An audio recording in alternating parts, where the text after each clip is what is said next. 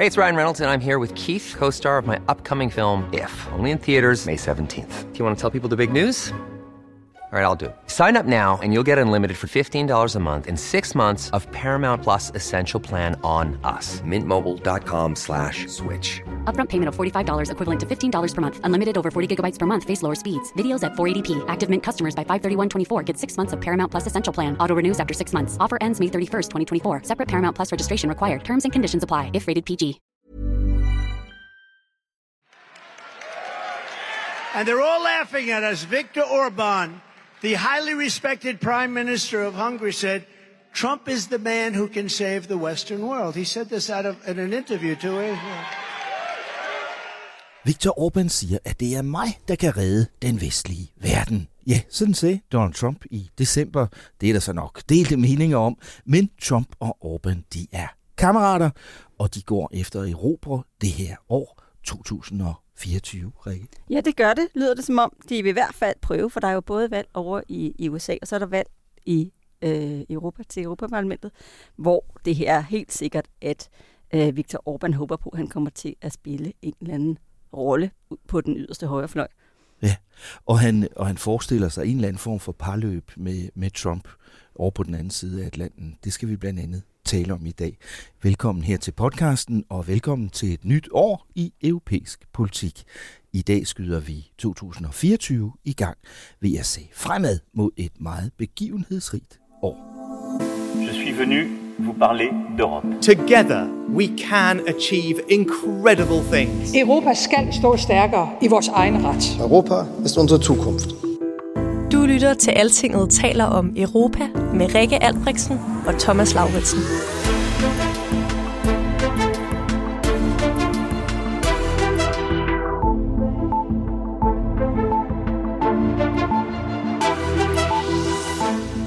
There's no way that Russia would have invaded Ukraine.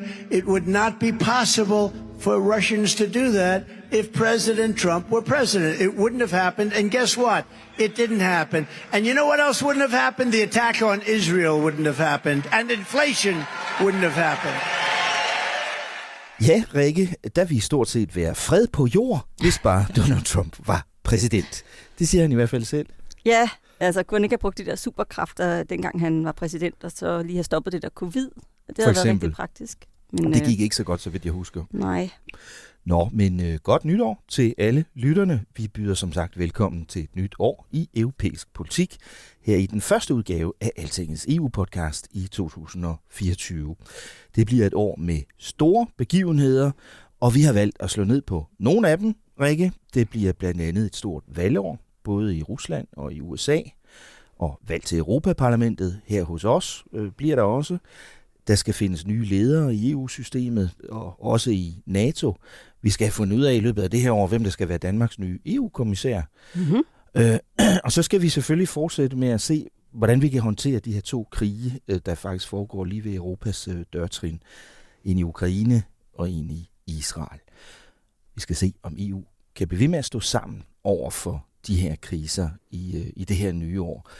Og man kan sige, at det sammenhold det blev jo testet rimelig alvorligt allerede i 2023, og vil måske blive det endnu mere i år. Ja, for mig er det, i, det er på Mellemøsten i hvert fald nok et af de sværeste spørgsmål ja. for, for EU overhovedet. Og når du siger sammenhold, så siger jeg, øh, nej, det har de faktisk ikke haft lige på det her spørgsmål. Nej, det er rigtigt. Fordi at der er simpelthen ikke en, en EU-linje at opdrive, fordi du har nogle lande, der er, holder meget, meget kraftigt på, øh, på, på en våbenhvile, og der er nogen ude på den anden side, der holder meget, meget kraftigt på Israels ret til at forsvare sig selv. Ja. Og der har du bare øh, det her skisme mellem, øh, mellem øh, de humanitære behov i, i Palæstina på den ene side, og på den, på den her selvforsvarsret, øh, som bare, hvor, hvor der, har, der er det bare ikke lykkedes for EU at finde den der sådan gyldne middelvej, hvor man hvad det amerikanerne siger, at man skal kunne gå og tykke tyk, tyk gummi på samme tid. Ikke? Altså, man, ja. at man, man godt kan have de her to tanker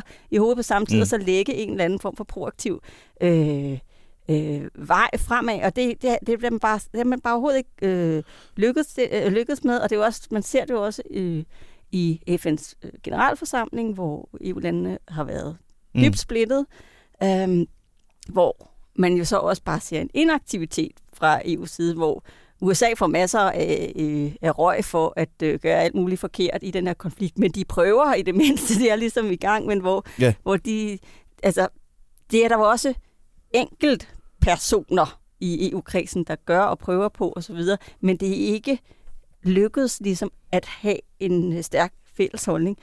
Og fordi landene, EU-lande, som vi har talt om her i podcasten, jo øh, af forskellige historiske og kulturelle grunde osv., øh, stiller sig helt forskelligt mm. I forhold til den konflikt. Så det bliver en af de, øh, af de, af de store udfordringer i, øh, her i det nye år.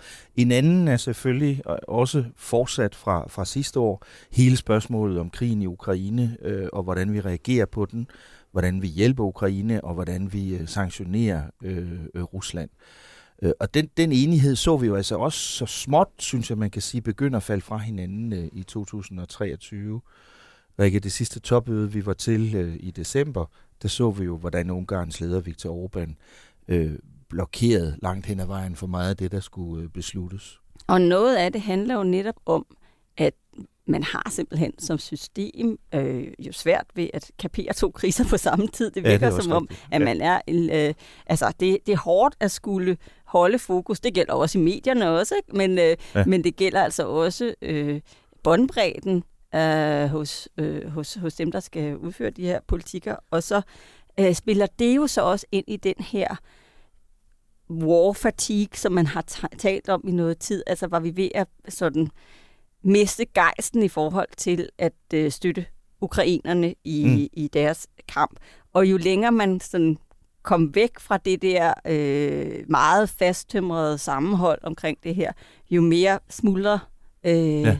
det her, den her enhed, der, som der er behov for, for at træffe nogle af de beslutninger, som du, Ja. du snakker om der. Ikke? Og, og Viktor Orbán, udover hvad han i øvrigt har problemer med EU, øh, så er det også ligesom om, at han, at han gør sig selv til, til talsmand, om ikke for Vladimir Putin, så i hvert fald for dem, der synes, at man skal forhandle med, Mm. med russerne, ikke? Jo. hvilket provokerer nogle af de andre europæiske ledere. Øh, De fleste af de andre. de fleste af de andre øh, enormt meget. Ikke? Ja. Og, og, men, men det rejser selvfølgelig spørgsmålet om, i hvilket omfang EU stadigvæk kan holde presset på, på Putin øh, her i 2024, hvor der jo er præsidentvalg i Rusland. Rikke. Hvem, hvem må der vinder hvem, det? tror, hvem tror du, der vinder? Ja, det, øh, det, det må vi jo øh, sidde ved, ved, ved tilbageholdt åndedræt og, øh, og se efter, ikke? Det er nok noget af det, der er mindst spænding om, kan man sige, i 2024. Men det bliver i marts, at der er præsidentvalg i, øh, i Rusland. Og så er der spørgsmålet øh, om, hvad vi gør for at hjælpe Ukraine og udvikle Europas forhold til Ukraine. Øh, og der, vi kan gå lidt mere i detaljer med, hvad der egentlig øh, blev besluttet i december, Rikke, lige om lidt, øh, fordi det bærer over i 2024 også. Ikke? Men, øh, men bare lige for at nævne det kort, så blev der taget efter voldsom pres på Orbán en beslutning om at åbne øh, optagelsesforhandlinger med Ukraine. Til gengæld kørte spørgsmålet om en ny stor øh, hjælpepakke med støtte. Øh, det kørte fast. Øh, det kan vi snakke lidt videre om, øh, om lidt. Efter det her topmøde i december, så mente kommissionens formand Ursula von der Leyen, at det her nye år, 2024, kommer til at starte godt for EU og for vores naboer. Now, this presidency ends and the new year starts with excellent news for the European Union and our neighborhood and friends. The European Council took the decision uh, to grant an enlargement steps forward, and this will be a landmark in our common history. Den her beslutning om en ny udvidelse bliver en milepæl i vores fælles historie, mener altså Ursula von der Leyen. Og det bliver ekstra vigtigt af, at verden lige omkring os er ramt af så mange alvorlige kriser, sagde hun. The reason for enlargement today, um, these reasons have never been stronger and more compelling. In a world that is shaken by multiple crises, it's an investment in stability, it's an investment in security of our continent, but of course, it's also an investment in prosperity for our continent. And it's a big investment in democracies that stand sta- tall and united. Men Rikke, spørgsmålet er jo, om de her forhandlinger med Ukraine og Moldova overhovedet kommer i gang i år. Kan vi egentlig være sikre på det? Jeg kan godt have min tvivl, i hvert fald. Øh, af to årsager nok. Fordi den ene, den ene er, er simpelthen Viktor Orbán, fordi Ja. ja. øh, hvis nogen lyttede til vores øh, sidste podcast inden Ja. jul øh, sammen, så var det jo en lidt aparte situation, skal vi kalde det det, da, ja. da, da de træffede den her beslutning, fordi han jo simpelthen øh, forlod rummet. Han gik lige ud og tisse. Ja, så, og så besluttede alle de andre i fællesskab, at nu, at nu var der altså enstemmighed i rummet, altså blandt dem, der var der. Øh, og så kunne man godt åbne øh, ja. øh, forhandlingerne ja, med. Vi siger, for sjov, han gik ud tisse, det ved vi jo ikke, om han gjorde, men det var ligesom aftalt, at han skulle forlade lokalet et øjeblik, så de andre kunne tage beslutningen. Ikke? Hvorefter, ja. at han simpelthen gik ud og trashede den her beslutning. Ja ja. øh, i medierne og sagde, at det var da ganske frygteligt, at man ja. havde gjort det, og ja. det var, det var, du ved, for tidligt og forkert og øh, meget skadeligt osv. Så, øh, så derfor så er det jo det er jo ikke sådan, at øh, man har afværget øh, et veto fra Viktor Orbán på det her øh, spørgsmål, fordi det får han lov til at svinge nærmest øh, i tid og utid fra nu af og til ja. Ukraine. Måske en dag kommer ind i EU. Ja. Fordi at der er simpelthen så mange øh, skridt ned ad den her vej mod EU-medlemskab, mm. øh, som skal tages ved enstemmighed ja. blandt landene. Og han får muligheden første gang her i løbet af de her første måneder af året, ikke? Jo, fordi på et tidspunkt, så skal de have lavet det, man kalder en, forsa- en forsamlingsramme, en forhandlingsramme, ja. øh, som, øh, øh, som ligesom skal være mandatet øh, for ja. forhandlingerne. Ja. Og det skal også vedtages ved, øh, ved, ved enstemmighed. Øh, og så vil jeg sige, den anden grund til, at jeg godt kan have min tvivl, det er jo, at vi er kloge af skade, når det handler om, om udvidelsesforhandlinger og EU. Mm. Tingene går utrolig langsomt. Vi ja. kan se det på, øh, på, på alle de øh, mange lande, der sidder i EU-venteværelset øh, allerede. De seks lande på Vestbalkan for eksempel. Hvor lang tid nogle af dem, altså det er flere årtier for nogle af dem vedkommende. Mm. Øh, og bare det der sådan tilløbet til at komme i gang med forhandlinger. Nu siger vi, at de gav de grønt lys. Ja, de gav grønt lys, men hvad gav de grønt lys for? Jo, mm. det var, at man sætter gang i processen, som gør, at man måske, ja. når der er taget en hel masse skridt, ja. og screenet øh, ja. og gjort alt muligt, så kan man gå i gang. Mm. Men hvor lang tid kommer den her screeningsproces til at tage? Ja. Øh, hvad find, altså, vi skal også huske på, at det, det er et land i krig. Ikke? Det, skal, mm. det, det, er ikke, det her er ikke bare sådan, nu taler jeg selvfølgelig primært om Ukraine, øh, altså det er jo ikke det er ikke business as usual, vel? Altså, ja. at skulle gøre alt det her med et land i krig. Og det, øh, ja, det, vi får se, om der også kommer andre ting i vejen end bare Viktor Orbán. Så det bliver øh, et af de store spørgsmål øh, her i begyndelsen af året, det er, kommer de her forhandlinger øh, om optagelse af Ukraine overhovedet i gang? Og et andet, der ligesom også der ligger over fra december, det er det her med pengene, altså øh, hvor der jo er en, en større støttepakke med omkring 127 milliarder kroner, plus det dobbelte i, i lån øh, Øh, til Ukraine, som, som alle de 26 andre landes ledere var enige om at vedtage i december, men Orbán øh, blokerede for det. Øh, og der er det så blevet annonceret siden, at, øh, at de vil prøve, om de kan løse det på et ekstraordinært topmøde, der kommer her den, den 1. februar. Skal de så prøve igen. Men vi kan jo ikke vide, øh, om de kan blive enige på det tidspunkt. Nej, og også fordi det er igen, ligesom det var øh, i, i december måned, en, en to-del proces, for der er på den ene side pengene til Ukraine, og på den anden side også generelt en top-up i EU-budgettet, som, øh, som ja. landet slås om af helt andre grunde. Ja. Øh, fordi nu har nogle sparetyper, som for eksempel Danmark øh, på det ene hold, ja. og nogen, der godt vil have nogle flere penge i kasserne, ja. som for, for eksempel sydeuropæerne. Øh, og alt det der skal også rodes ud af det. Men altså det, man kan sige, er, at de 26, alle undtagen Orbán, har lovet, at der skal findes øh, nogle penge til ukrainerne, fordi de simpelthen ellers øh, er på spanden. Mm. Fordi altså, vi hørte fra øh, chefen for den internationale valutafond, at de, øh, altså, de regner med, at der, der, der er penge til januar, måske også februar, men så er det slut. Og det er øh, det, det, hvor de, ja. øh, de er bekymret i sådan nogle store internationale finansielle institutioner, det er, på, hvad, hvad gør det så ved, altså ved den meget skrøbelige økonomiske situation, der er i landet i forvejen, som jo altså kører på pumperne i en krigsøkonomi, hvis der ikke er de her pengeindsprøjtninger fra øh, EU, og så jo også netop fra USA, som også har altså haft en indrigspolitisk krise i forhold til at levere støtte mm. til Ukraine, hvor det også sidder, øh, har, har siddet fast i, i øh, ja, politisk politiske trakasserier. Ikke? Ja. Så ja, det er meget vigtigt, at det sker, men hvordan og hvorledes det, det, ved det er meget spændende. Så, så de to store, hvad skal man sige, kriser, der fortsætter i 2024, det er Mellemøsten og det er, det er Ukraine. Og når det gælder Ukraine og de ting, vi lige har talt om, Rikke, så er det jo altså Ungarns leder, Viktor Orbán, øh, som er i centrum øh, for, hvad der kan lykkes øh, eller ikke lykkes øh, i 2024 i forhold til, øh, til Ukraine. Øh, så lad os lige tale lidt mere om ham og hvad han egentlig er ude på i 2024. The globalists can all go to hell. I have come to Texas. Uh,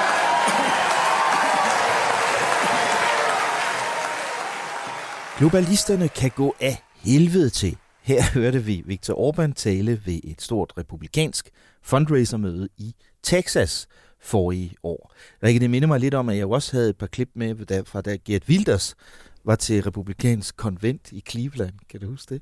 Ja, ja, det er rigtigt. Altså, de kommer, de kommer derover en gang Ja, men altså, ja. øh, øh, den italienske premierminister Giorgia Meloni har altså også været på CPAC, ligesom, øh, ja. ligesom Viktor øh, Orbán. Ja, så der er kontakter frem og tilbage over Atlanten her øh, på højrefløjen. Vi kan lige vende tilbage til det transatlantiske om lidt. Lad os fokusere lidt tættere på os selv først. Altså, vi ser en udvikling i øjeblikket, hvor nationalister og nationalkonservative partier og ledere øh, går frem, eller i hvert fald forsøger på det, rundt omkring i Europa i øjeblikket. Og vi ser en Viktor Orbán, der forsøger at gøre sig selv til sådan en slags øh, frontfigur for noget af det her i, i Europa.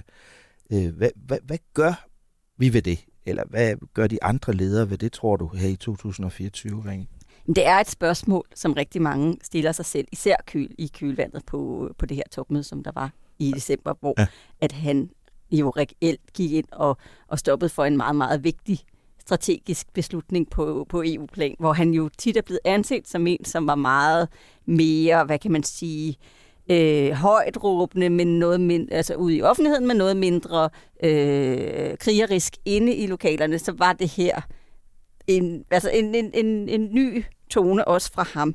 Øh, og der er der bare sådan flere forskellige øh, måder, at man, man forsøger at takle ham på. Der er nogen, der er sådan lidt, okay, hvad, hvad skal vi gøre? Skal vi simpelthen til at gribe til nogle af de, de tunge værktøjer i, i mm. værktøjskassen, øh, lige med det, der hedder artikel 7-proceduren, som, øh, som man kan man kan sætte, sætte ned over et land, som forbryder sig mod EU's grundlæggende demokratiske spilleregler, og som aldrig nogensinde er blevet brugt før, mm. og som kan gøre, at de mister deres stemmeret i ministerrådet. Øh, fordi at det, altså det har man allerede faktisk en proces i gang øh, på Orbán, øh, eller på Ungarn, mm. øh, allerede på nuværende tidspunkt, men det er bare aldrig nogensinde lykkedes at sådan rigtig ja. At få den til at, at, at få noget bid, fordi... Man kan jo ikke smide et land ud af EU, men Nej. det der, det, artikel 7 er det nærmeste, man kan komme det næsten, ikke? Jo, præcis. Ja. Mm. Og, øh, og, og der er jo det, der er jo sket det, at før, der, fordi det her er endnu en beslutning, der bliver truffet med enstemmighed, så har der hele tiden været sådan en, en pagt mellem Polen og Ungarn, som begge to har haft sådan de samme øh, demokratiproblemer, øh, ja. set med EU-øjne, at de havde øh, ligesom haft hinandens ryg og sikret sig, at det her kunne aldrig ja. blive brugt. Men nu er der, har der jo været et regeringsskifte i Polen, så spørgsmålet ja. er, er der nogen, der tænker, at det er den ja. sabel, vi skal begynde at reste Og det er jo netop der. interessant det der, fordi de tre interessante valg, der var i, i EU-landene i 2023, som vi også har talt om flere gange, det var det polske valg, som, som du nævner, ikke? hvor lov og retfærdighed, nationalkonservative, allieret til, til Orbán, de tabte valget, og Donald Tusk, den tidligere rådsformand øh, øh, her i Bruxelles, blev ny øh, statsminister igen i Polen. Ikke? Men, men i Slovakiet øh, skete der det modsatte, og i Holland, øh, ja. meget bemærkelsesværdigt, fordi Holland er så vigtigt et kerneland, ikke? At der vandt øh, Gert Wilders og hans øh, nationalistiske frihedsparti valget.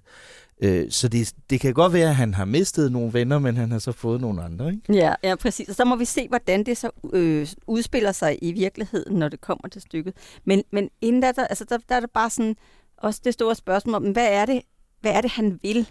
Ja. Øh, er det i virkeligheden det, den gode gamle Orbán, som vi kender, som, som er enormt transaktionel. Altså det er meget noget for noget. Det har altid været sådan noget med, hvordan kunne han opnå øh, en eller anden form for øh, sejr på den ene eller anden måde. Altså, der, der er det store spørgsmål, om det her handler om, at han prøver på at presse EU-kredsen til at frigive nogle af de penge, som er mm.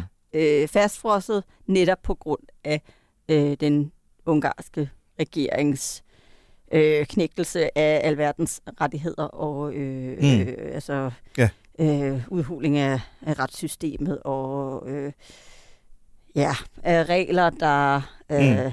går imod LGBT-rettigheder og, og så videre, så videre. Um, og der skete der jo det um, lidt pikante, at bare et par timer inden, at de mødtes til topmødet i, i december, så besluttede EU-kommissionen, at nu var de altså øh, nået i mål, ungarerne, mm. med, en, øh, øh, med nogle af de reformer, som man havde bedt om, og derfor skulle, kunne de lige få øh, i omegnen af 75 milliarder kroner ja. udbetalt øh, i fastfrosset EU-støtte. Mm. Og det var en lidt bizarre timing, øh, hvilket alle undtagen EU-kommissionen kan se. De bare sagde, nej, nej, det var, det var, det var helt tilfældigt, helt siger de. tilfældigt. Ja. Det var bare ja. fordi, det var lige præcis lige ja. der, at de, øh, at de var nået i mål med Det var med bare det. proces, siger de. Ja.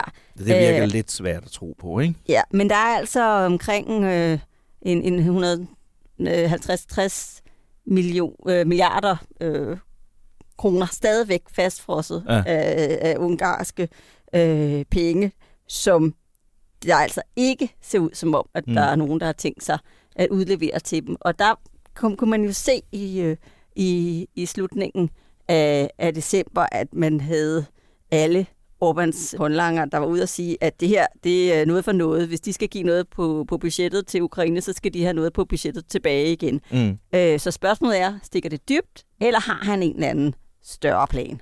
Og det har jeg en idé om, Rikke, at han, har, at han måske har en, en større plan. Øh, jeg tror, han sikkert meget gerne vil have en masse af de der dejlige penge, øh, men jeg tror også, at han er ude på at score noget politisk kapital her op til Europaparlamentsvalget.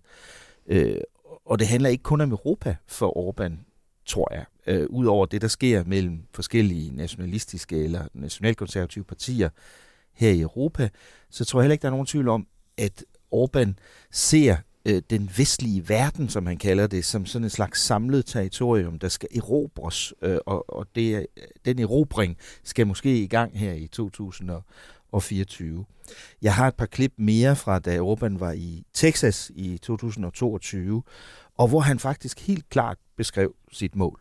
We must take back the institutions in Washington and in Brussels. We must find friends and allies in one another. We must coordinate the movement of our troops because we face the same challenge. Vi skal koordinere bevægelserne for vores tropper, sådan siger Viktor Orbán her til et publikum af amerikanske Trump-tilhængere. De var meget begejstrede i øvrigt, Rikke. og der er jo en helt klart en eller anden forbindelse her mellem Trump og Orbán. Måske en dag en slags samarbejde. Hvad tror du? Ja, men det, det er der jo. Det, det den der sådan alt-right-bevægelse, ja. som man vel kalder det. Øh, der, den har solide bund ja. på den ene og den anden side af øh, det store sund. Ja. Uh, og det, det, så det, det er der slet ikke nogen tvivl om. Og det, og det kommer jo alle mulige mærkelige afskygninger. Der er netop også nogen, der har lige været sådan en stor konference i i Rom, hvor, hvor det var Meloni, der ligesom mm. øh, knuppede skulder med sådan nogle Steve Bannon-typer, altså Trump, ja. Trumps gamle strateg. Og øh, der, altså, der er alle mulige sådan, altså, mærkelige ja. forbindelser øh, frem og tilbage. Ja, og vi hørte også helt i starten af podcasten her, hvordan Trump nævner Orbán i, i sine taler her for nylig. Ikke? Ja, nogle gange så dog som the great leader of Turkey. of Turkey ja. Det gik lige galt for ham der. Ja. Øh, men sidste gang her, der, der kunne han altså godt huske, at Orbán er fra, fra Ungarn, ja. trods alt.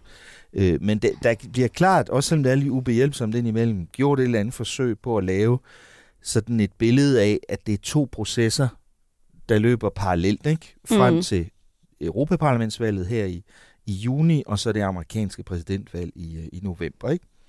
Øh, Rikke, en ting, vi jo også kommer til at snakke om, i hvert fald hvis Trump skulle gå hen og blive genvalgt, det er, er, er EU bedre rustet til det den her gang, end mm. vi var øh, sidste gang?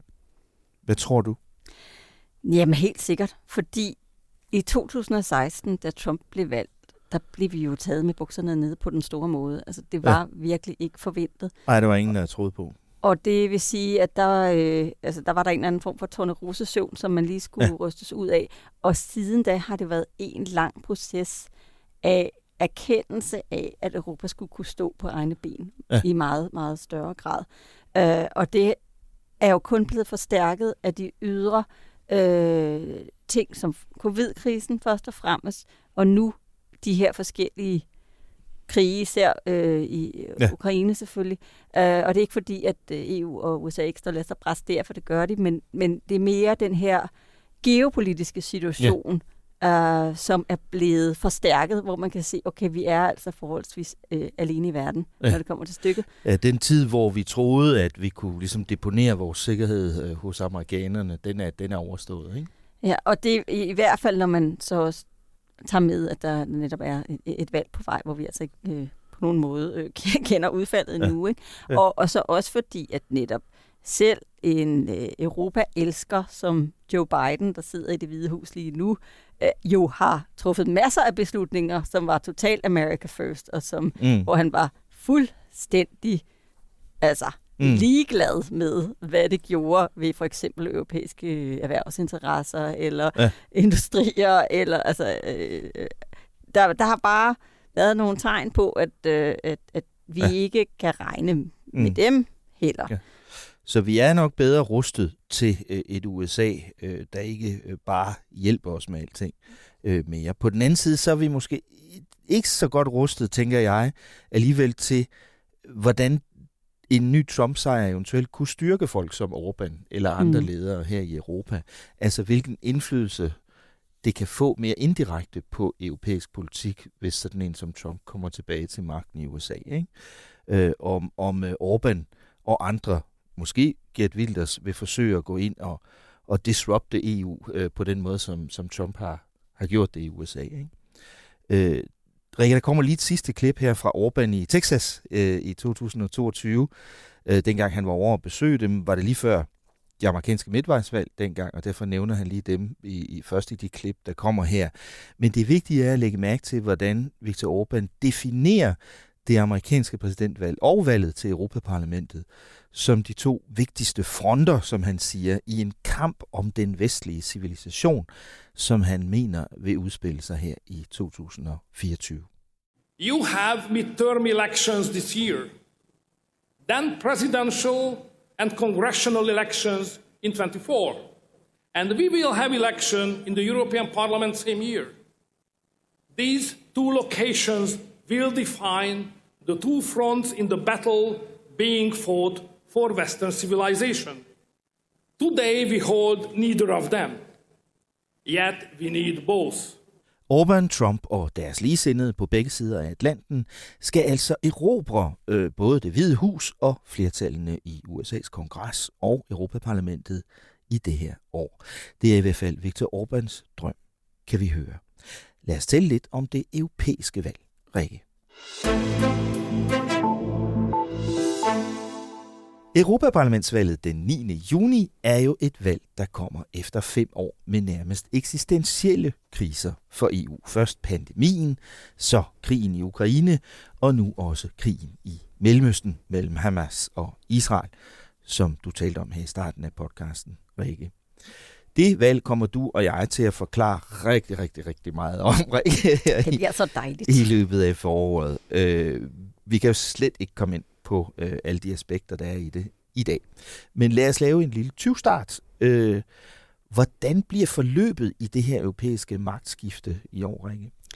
Jamen, forløbet er, at nu kommer der en øh, slutspurt af den anden øh, verden på, på øh, politiksiden for det gamle parlament og ja. for rådet og for kommissionen, inden at alle så går i, i valgmode frem mod øh, valget, som løber mellem den 6. og 9. juni. Det øh, kan landene selv bestemme, hvornår de skal stemme. Vi skal stemme den 9. Ja. Og så... Det er min fødselsdag. Er det rigtigt? Det er, ja. Nå, men det kunne jo ikke, du kunne ikke ønske dig at fejre den på nogen bedre måde, kan jeg forestille så mig. Godt. Andet end at sidde i, øh, over i Europaparlamentet sammen med mig. Og, og følge med i, hvad, hvordan de stemmer i Slovakiet eller ja, et eller andet. Præcis. Ja. Nå, men øh, så, når det så, øh, når støvet har lagt sig, øh, så vil man i juli skulle konstitueres over i, i parlamentet, finde ud af, okay, hvad er det for nogle øh, politiske grupper og så videre, så videre. Og så skal man jo øh, inden da fra, øh, eller det ved vi faktisk ikke nu, fordi timing er ret meget op i luften, men på mm. et eller andet tidspunkt skal nogen også have fundet ud af, hvem der skal være formand for EU-kommissionen. Og så skal de jo stemme dem, den person igennem over i Europaparlamentet, og så skal der sammensættes en ny EU-kommission, og det kommer nok til at tage hele efteråret, fordi de skal jo også til høringer og så videre. Mm. Og vi ved faktisk ikke rigtigt, hvornår vi tror, at hele EU-systemet er oppe at køre igen, fordi at det, det kan godt trække ud denne gang. Det kan godt være, mm. fordi at netop valget ligger så sent, som det gør, øh, at det her først bliver sådan noget december-januar øh, ja. 2025, måske endda. Ja, det kan øhm, godt være, at der går et helt år øh, inden at, at alle øh, topfolkene i EU-systemet er på plads øh, igen. Ja, ja, for der er også endnu flere, der skal vælges. Der skal også vælges en ny formand for det europæiske råd og en ny ja. udenrigschef. udenrigschef ikke? Så. Ja. Med hensyn til selve Europaparlamentsvalget, så, så bliver det jo et af de store spørgsmål. Igen har jeg lyst til at sige, øh, for det var det også sidste gang faktisk, ja. øh, øh, om, om nationalisterne og EU-skeptikerne på højrefløjen kan samle sig. Øh, hvis de nu får et rigtig godt valg rundt omkring, kan de så finde ud af at gå sammen i sådan en supergruppe i Europaparlamentet.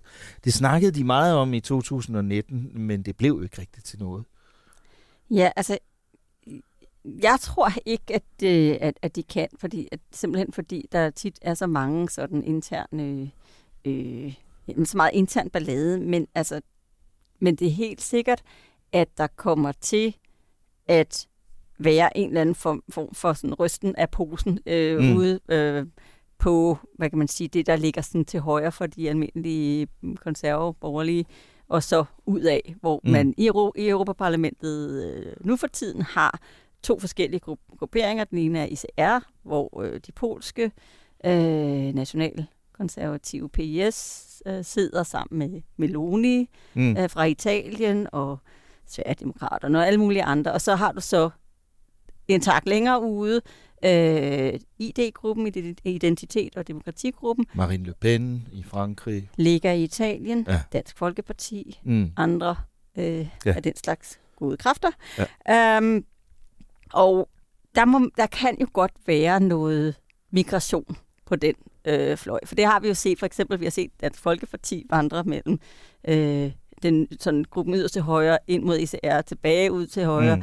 og så videre. Meloni prøver jeg tror, at de konserver rigtigt, altså hvad kan man sige, de EPP, som er de øh, kristendemokratiske øh, konservative og den største gruppe i, i parlamentet, har jo prøvet på at fiske hende, for eksempel. Mm. Og, og til gengæld smed de jo Orbans parti ud. Til gengæld smed de Orbans parti ud, og ja. Orbán har ikke fundet noget politisk Nej. hjem endnu. Og det er også spændende at se, om han vil prøve at gøre det, fordi... Prøve at bygge bro måske mellem nogle af de der mennesker, hvis han kan. Ja, ja. men det er bare hidtil, så har det bare ikke rigtig lykkedes øh, for dem.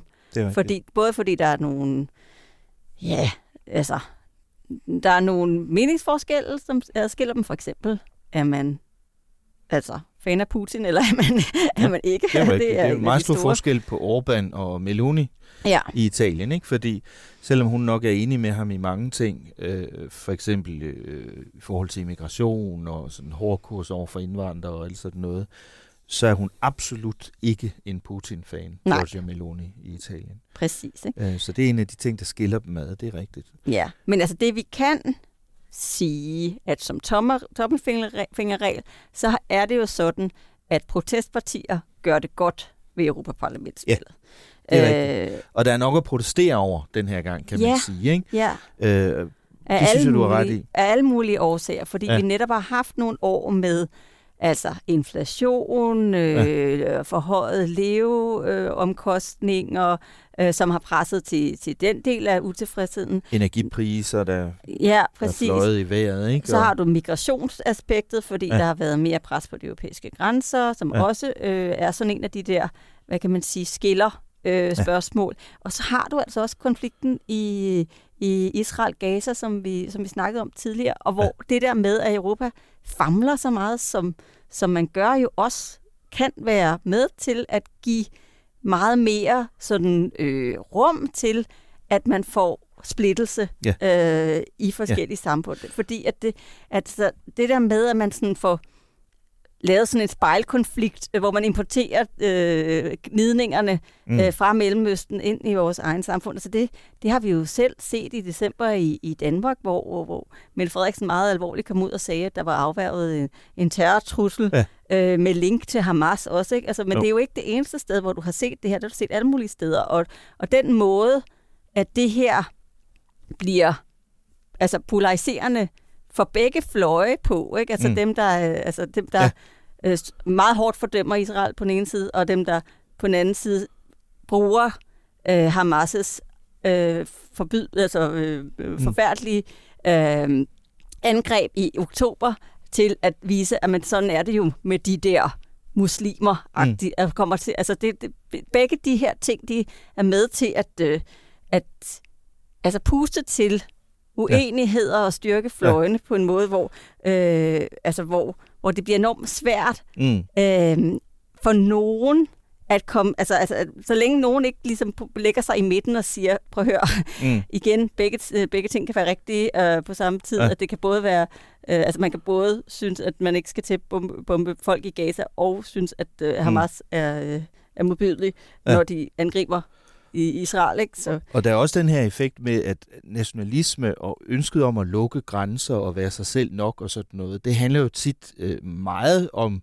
en, en frygt eller utilpashed over for alt, hvad der kommer udefra. Ikke? Mm. Øh, og, og når man så føler sig truet udefra, som folk gør i øjeblikket, af, af mange forskellige grunde, ikke? altså det er en truet tid, vi lever i, så kan det jo godt være, at der er flere, der får lyst til at stemme på dem, der siger, lad os lukke dørene. Ikke? Øh, og, øh, og, og, og være os selv nok. Øh, så, så vi får se, hvor mange af de her partier, der, der vil få stærke resultater til Europaparlamentsvalget i år. Og det kan jo også, det resultat, jo få indflydelse på, øh, hvem der kan blive ny formand for kommissionen, og, og hvad den øh, kommission egentlig har muligheder øh, i, i næste periode.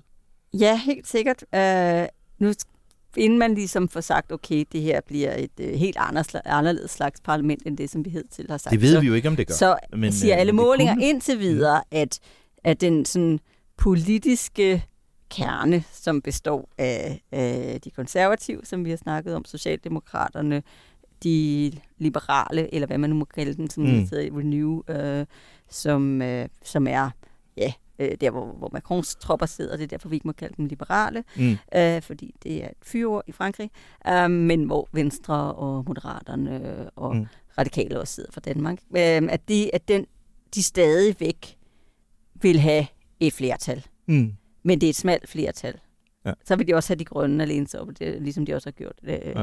her. Men det, det betyder bare, at der skal meget lidt slinger i valsen til, før de så netop ikke nødvendigvis mm har et flertal. Og, når, og det har så betydning i forhold til for eksempel det der med at godkende en ny kommissionsformand. Fordi vi så jo allerede sidste gang, da Ursula von der Leyen skulle øh, godkendes, at hun slap igennem med dusin stemmers forskel mellem jer og nej. Ja, det var meget snævert flertal, hun fik der. Ja, ja, og det kan jo sagtens, nu får vi se, om det bliver hende igen, som, øh, som, som vil prøve, det ved vi jo altså ikke endnu. Altså, der er jo mange, der siger, at hun har været en utrolig stærk kommissionsformand i den her periode, og det er jo også rigtigt i et vist omfang. Øh, altså, hun men hun har været... rigtig mange point under pandemien, for eksempel. Ja. Ikke? Øh, ja, ja, men hun har bare været meget stærk i, på alle mulige områder, hvor, øh, hvor parlamentet ikke har haft store, øh, skulle have sagt, så de har været ja. enormt utilfredse med hende, ja. fordi de ikke synes, at hun har respekteret dem faktisk, for at være helt ærlig. Ikke? Og det, øh, så det er ikke sikkert, at hun har lige så mange venner der, som hun har i kredsen af øh, EU-lande. Mm. Og hun har haft mindre held i sprøjten her på det seneste, ikke? Jo, jævnfør igen Mellemøsten, hvor hun ja. også er blevet anklaget for at simpelthen har ja. placeret sig alt for ja. kontant på, på Israel. Så det er et af de store spørgsmål efter øh, Europaparlamentsvalget. Det er, bliver det Ursula von der Leyen, der skal være kommissionsformand igen, eller, eller bliver det en, en anden? Og når det så er afklaret, så skal øh, hun eller en anden kommissionsformand jo så til at samle en ny øh, kommission, ikke? Og så øh, lurer mig, om ikke vi øh, meget hurtigt bliver optaget af, hvem der så skal være kommissær for Danmark. øh, det, der er ikke noget, der tyder på, at det bliver Margrethe Vestager igen. Øh, og så er spørgsmålet, hvem bliver det så? Ja. Yeah. Hvad siger du, Rikke? Aner det ikke. Det aner det ikke. Nej, vi kan sagtens sidde og lege sådan noget navneleg. Det har vi også gjort før, ikke? Men jo. altså, det er, det er jo sådan noget, som bare, det når det kommer sige, til stykket, mm. øh, hviler øh, i den til den tid siddende danske statsministers hænder. Ikke? Ja. Og det, men det bliver bare et af de store politiske spørgsmål også øh, for os øh, i løbet af 2024. Hvem skal være dansk EU-kommissær efter Margrethe Vestager? Og så tror jeg altså også, at vi skal have en tur mere, øh, Rikke, om vi vil det eller ej, med det der med Mette Frederiksen. Ja, jamen det er jo også derfor, mm. jeg siger, at den til den tid siddende statsminister. ja, det, ikke? Altså, ja, det, det, jo, hun bliver nok trukket op af hatten som en af de der øh, mulige kandidater til en af de her topposter. Altså, ja. kan vi lige sige dem igen. Det er EU-kommissionsformanden, det er formanden for det europæiske råd, som er ja. stats- og regeringschefernes klub, ja. det er udenrigschefposten, så er det ikke helt sådan sammenlignet med NATO leder jo også ja, efter. nu, nu er det mest EU, det. vi snakker om her, men øh, vi skal da lige nævne, at der også er et meget vigtigt NATO-topmøde i juli mm-hmm. ja, i 2024. Hvilket er præcis samtidig ja. med, at de også går og bakser med, hvem det er, der skal have de europæiske top, øh, topposter. Så derfor så, øh, så bliver de ting bare blandet sammen, uanset at det faktisk ikke er noget, som NATO var særlig interesseret i, at skulle ske. Ja. Så øh, parlamentsvalg, og så hele det her puslespil om, hvem der skal lede EU og NATO, kommer til at følge rigtig meget i, i det her år. Som du var inde på, Rikke, så meget af, at det her forår bliver sådan en slags afrunding eller slutspurt for, for EU-kommissionen. Samtidig med, at det så bliver sådan et, et langt opløb til Europaparlamentsvalget den 9. juni. Og efter det valg kommer der så, som du forklarede, en lang periode, hvor magtbalancen skal findes, og topposterne skal fordeles. Og det her europæiske skifte kommer altså til at ske samtidig med, at den amerikanske valgkamp virkelig vil give op frem til USA's præsidentvalg den 5.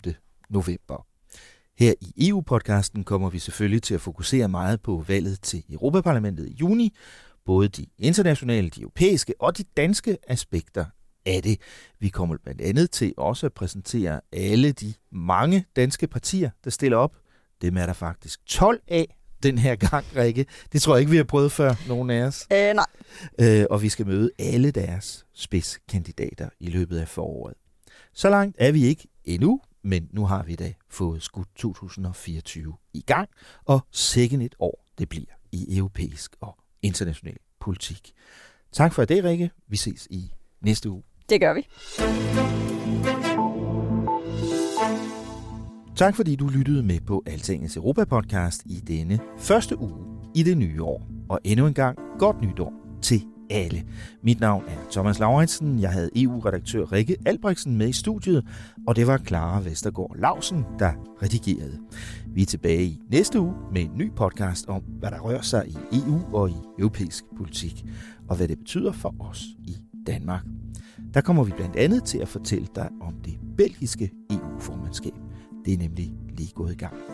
Tak for i dag. Lyt med igen næste uge, lige her, hvor Altinget taler om Europa.